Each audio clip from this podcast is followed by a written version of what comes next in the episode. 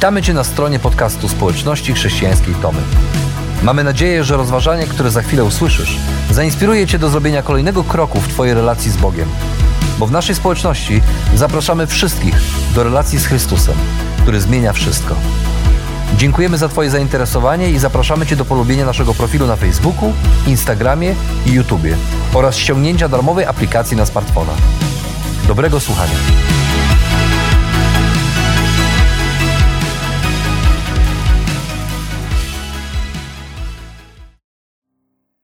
Ewangelia Jana, drugi rozdział od pierwszego do dwunastego wersetu. Trzeciego dnia odbywało się wesele w Kanie Galilejskiej. Była na nim matka Jezusa. Jezus wraz z uczniami też został zaproszony. W pewnej chwili zabrakło wina. Wtedy matka Jezusa powiedziała do niego: Nie mają wina. Jezus odpowiedział: Rozumiem Twoje zatroskanie, ale co mnie do tego, kobieto? Jeszcze nie nadeszła moja godzina. Wtedy jego matka zwróciła się do posługujących. Zróbcie cokolwiek wam powie. A było tam sześć kamiennych stągwi, ustawionych według żydowskich reguł czystości. Każda mieszcząca około stu litrów wody. Jezus polecił, napełnijcie stągwie wodą. I napełnili je aż po brzegi. Wówczas powiedział, teraz za, zaczerpnijcie i zanieście staroście wesela. I zanieśli. Gdy starosta spróbował wody, która stała się winem, a nie wiedział, skąd się ono wzięło, gdyż wiedzieli o tym tylko posługujący, którzy zaczerpnęli wody, zawołał pana młodego i powiedział: Każdy stawia najpierw dobre wino, a gdy goście sobie podpiją, gorsze. Ty jednak dopiero, ty jednak dobre wino zachowałeś aż do tej pory. W taki właśnie sposób w Kanie Galilejskiej Jezus dał początek znakom, ukazał swą chwałę i sprawił, że uczniowie uwierzyli w Niego. Potem wraz z matką, braćmi i uczniami udał się do Kafarnaum, gdzie razem spędzili kilka dni. Myślę, że każdy e, z nas zna i słyszał tę historię, bo to chyba najdziwniejsza historia weselna, jaka się zdarzyła, o jakiej słyszałem. A muszę Wam powiedzieć, że widziałem i słyszałem dosyć dużo, bo zanim zacząłem pracować w fundacji, w kościele, e, to miałem swoją działalność i pracowałem głównie właśnie jako e, fotograf weselny. E, ale myślę też, że każdy, każdy z nas przeżył chociaż jeden ślub czy wesele, na, którzy, na którym zdarzyło się coś, coś niecodziennego. Być może coś śmiesznego, żenującego albo, albo strasznego. Na przykład, gdy podczas ślubu na zewnątrz, na deku, gdy pan młody miał założyć obrączkę swojej przyszłej małżonce, ta wyśliznęła mu się z ręki i wpadła pomiędzy szpary, między deskami, tam, tam utknęła. Albo gdy DJ e, zamiast pomylił się i zamiast puścić właściwy utwór, puścił inny utwór e, jako pierwszy taniec i para młoda stała e, zdezorientowana bez ruchu, nie wiedząc, co zrobić. A może to były historie bardziej jak z filmu, gdzie panna młoda w ogóle się nie pojawiła na ślubie, albo pan młody zemdlał podczas składania przysięgi. E, ja na jednym z wesel, na których robiłem zdjęcie, e, pan młody pobił się ze swoim bratem i ta impreza skończyła się szybciej niż się zaczęła. Ale może lepiej wróćmy już do tej naszej dzisiejszej historii z wesela z Ewangelii, z Ewangelii Jana. Bo ta historia z Kany Galilejskiej jest niewątpliwie dziwną historią. Jednak jeszcze dziwniejsze wydawało mi się e, to, dlaczego ta historia była czytana podczas 90%, przynajmniej 90% ślubów, na których byłem. E, I zastanawiałem się zawsze, co ona ma wspólnego ze ślubem. Oprócz tego, że że opowiada o bardzo dziwnym weselu. Może dlatego mam trochę, miałem problem z tym tekstem i takie było moje skrzywienie, dlatego że właśnie słyszałem ją zazwyczaj czytaną podczas, podczas ślubów. Bo to ciekawe, bo o czym jest tak naprawdę ta historia? I czemu, czemu znalazła się w Ewangelii Jana? I to tylko w tej Ewangelii. Pozostali ewangeliści w ogóle o niej nie wspominają.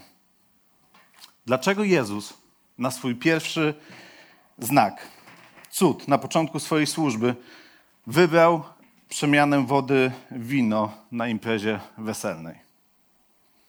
Przecież kiedy coś e, zaczynamy, kiedy coś startujemy, na przykład startujemy mm, e, jakiś nowy biznes, jakieś przedsięwzięcie, to chcemy e, wyjść do ludzi z czymś, kiedy chcemy z czymś wyjść do ludzi po raz pierwszy, to skupiamy się na tym, żeby ten przekaz był jak najbardziej przemyślany.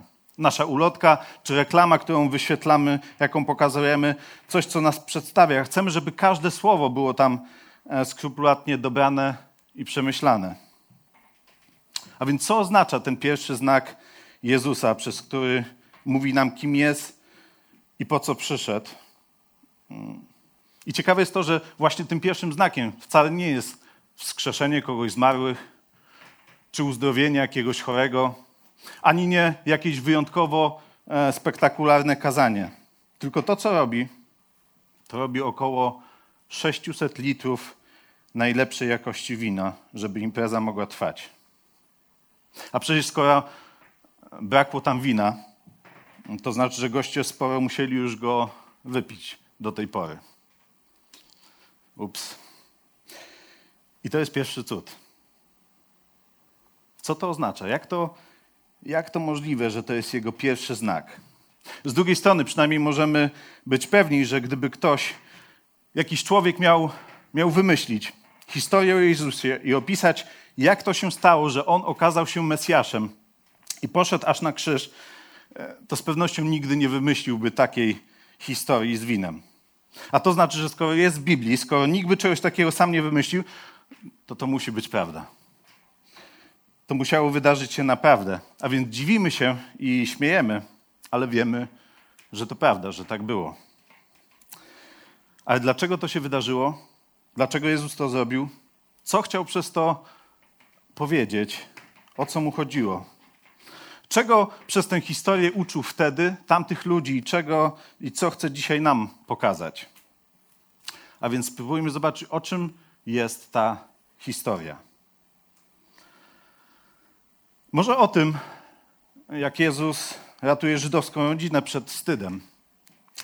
E, śluby w tamtych czasach trwały e, bardzo długo, trwały tydzień i były bardzo ważne e, w tamtej kulturze było bardzo ważnym i wyczekiwanym wydarzeniem. Chyba jeszcze bardziej niż aktualnie. Nie wiem jak wy, ja sobie nie wyobrażam tygodniowego wesela. Dzisiaj już nawet poprawin niektórzy, niektórzy nie robią. E, a więc to było wielkie wydarzenie. Mm, I tym, co było ważne, co tworzyło to wesele, to było oczywiście wino, które było podstawą radosnego świętowania. I to rodzina pana młodego była odpowiedzialna za imprezę weselną, a więc e, zaopatrzenie wina było po ich stronie i musiało tego wina starczyć na 7 dni. Jednak gdy zdarzyło się czasami tak, że tego e, wina zabrakło, to to był wielki wstyd dla rodziny pana młodego. To była, to była prawdziwa katastrofa. Do tego stopnia, że e, rodzina pani młodej mogła prawne, mogła mieć prawne roszczenia do pana młodego i jego, jego rodziny. A więc można powiedzieć, że zdecydowanie Jezus ratuje tę rodzinę przed katastrofą i wstydem. Ale czy rzeczywiście o tym jest ta historia?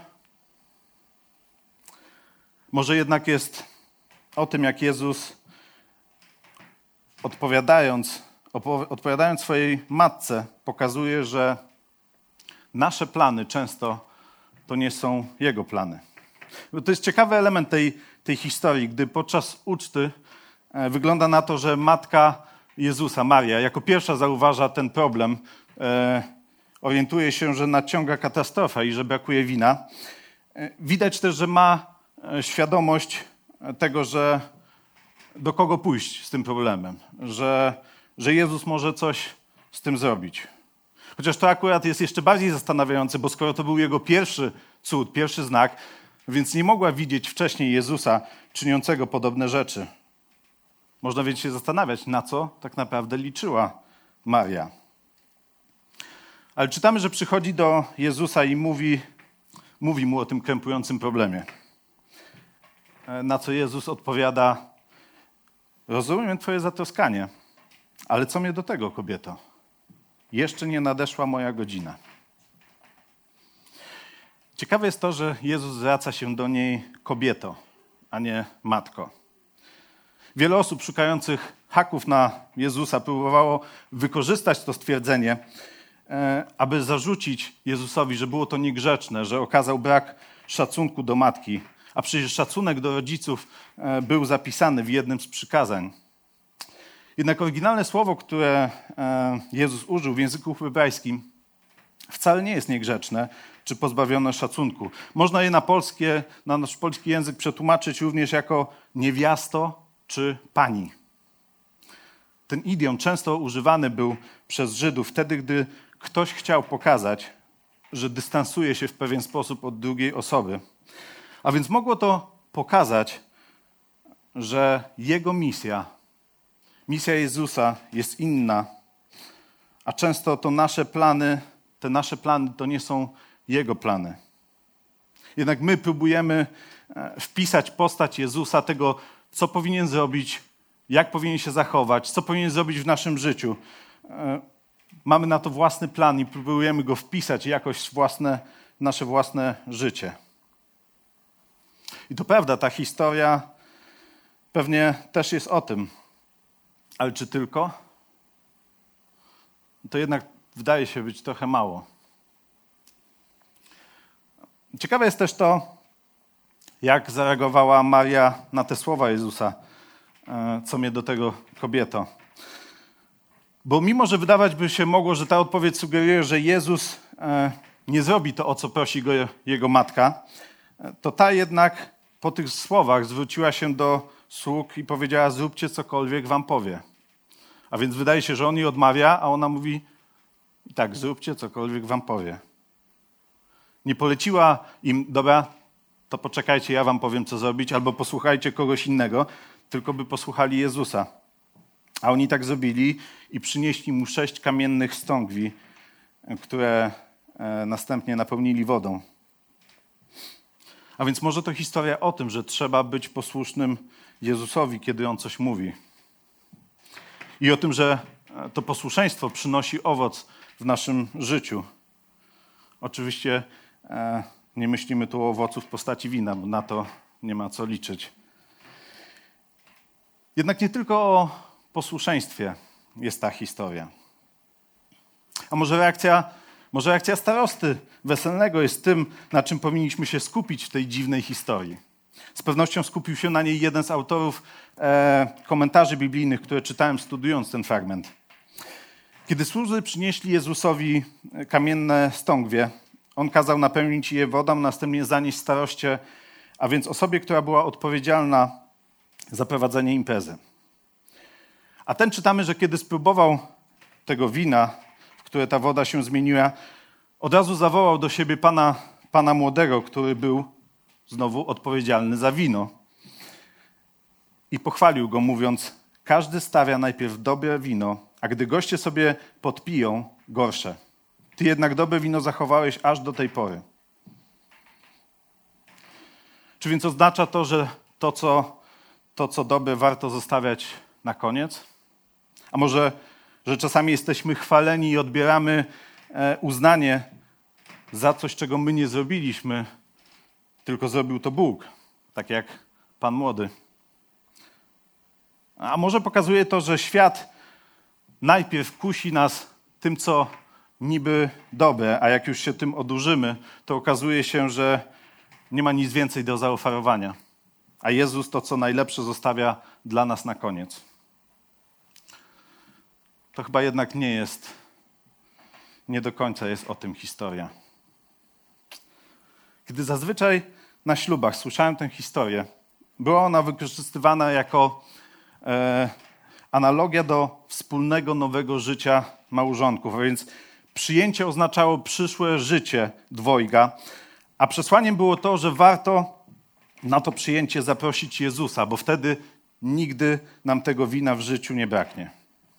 Mimo, że to piękna, piękna analogia i uniwersalna prawda, kiedy, kiedy w którą myślę, że można, z którą myślę, że można się zgodzić, jeśli przyjmiemy, że wino zazwyczaj w Biblii jest symbolem radości, to jednak ta historia nie jest o tym. Tak samo nie jest o tym, że chrześcijanie powinni brać udział w imprezach. Nie jest też zdecydowanie e, o najlepszym sposobie na dobre wino, ani o tym, czy wolno to wino chrześcijanom pić, jak niektórzy wykorzystują ten fragment do właśnie takiej debaty. A więc o czym jest ta historia i co ona oznacza?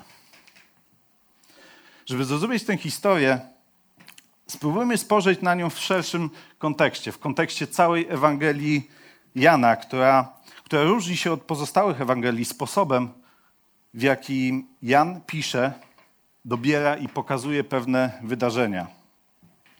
Jan jest bardzo symboliczny i wykorzystuje znane, znane Żydom z historii i z pism obrazy i symbole, które wskazują na Jezusa jako Boga i Mesjasza, na którego czekali.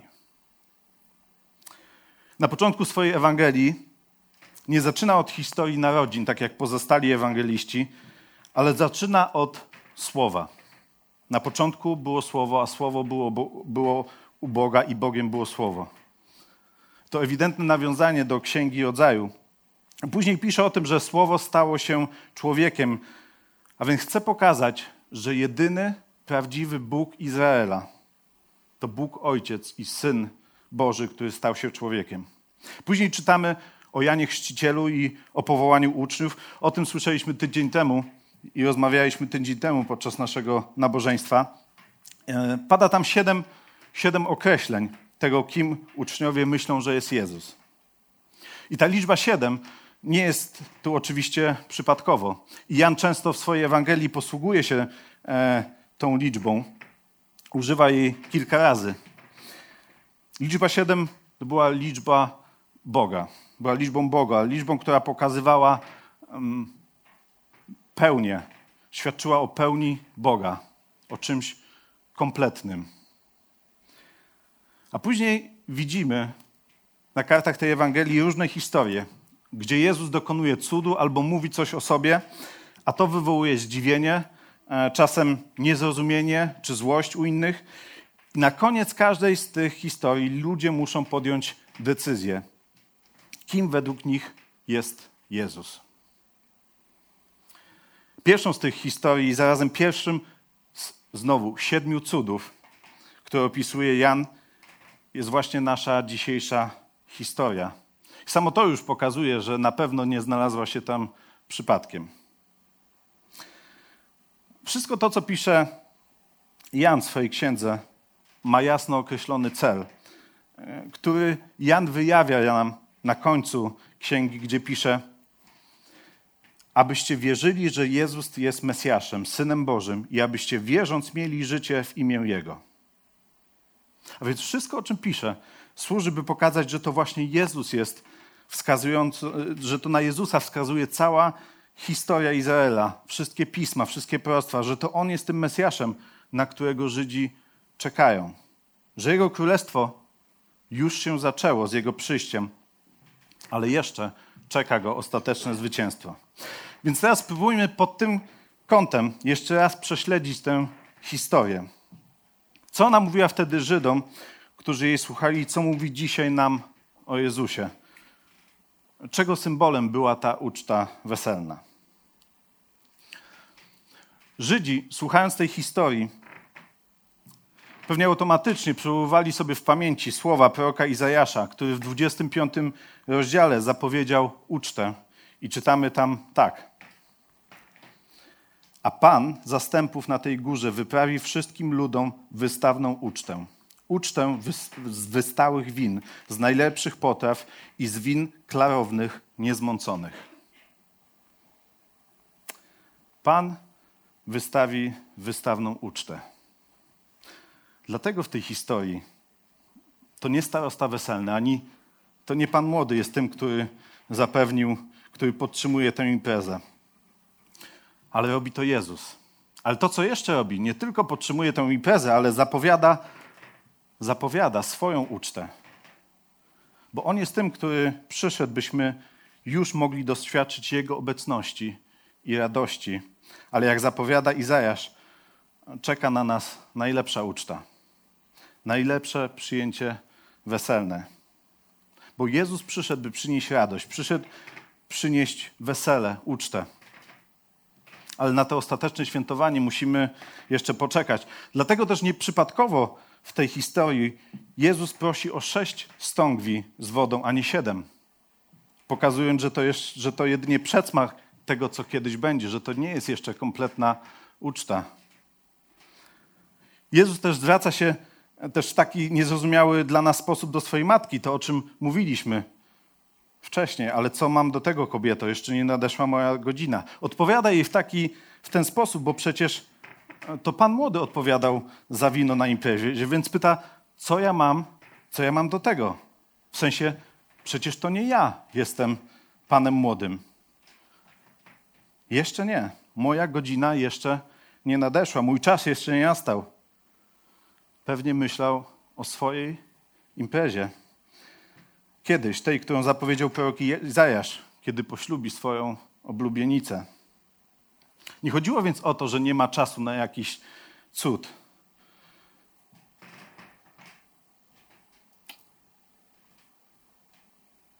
Ale o to, że to nie on jest odpowiedzialny za wino, bo to nie jego impreza. Nie mój czas, dosłownie nie moja godzina. Zawsze, kiedy mówił, zawsze gdy tak mówił, że to nie moja godzina, chodziło mu o jego śmierć.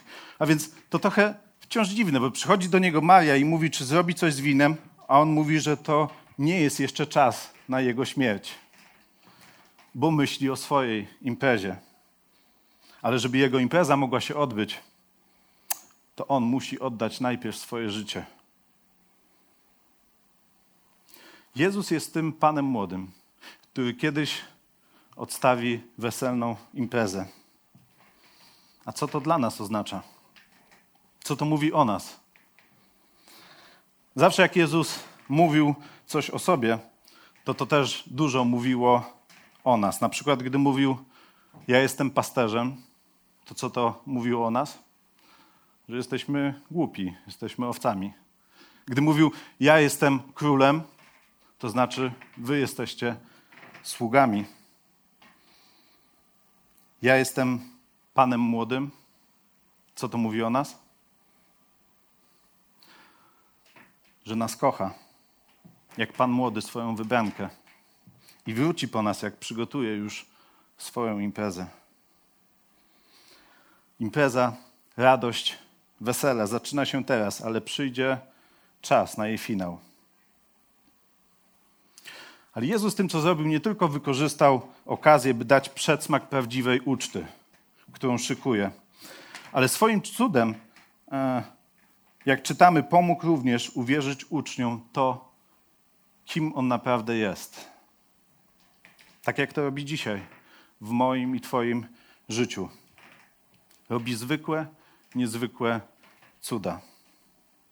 Czasami wyciągając finansowych tarapatów, czasami dając zdrowie, czasami stawiając na naszej drodze ludzi, którzy są gotowi wyciągnąć do nas rękę. Daje nam przedsmaki radości, przedsmaki uczty, ale też pozwala doświadczyć swojej mocy, byśmy mogli w Niego uwierzyć. Poprzez te zwykłe rzeczy, które czyni w niezwykły sposób, inni mogą poznać Go jako prawdziwego i żywego Boga. Wielu ludzi drapie się po głowie. Jak to jest, że Jezus używa nadprzyrodzonej mocy? By zapobiec katastrofie na imprezie. Katastrofa katastrofą, ale tak jak wtedy, tak i dzisiaj w naszym życiu. Jezus pokazuje swoją moc, byśmy doświadczyli przedsmaku życia z Nim w wieczności i uwierzyli, że jest Bogiem. I to o tym jest ta dziwna historia weselna.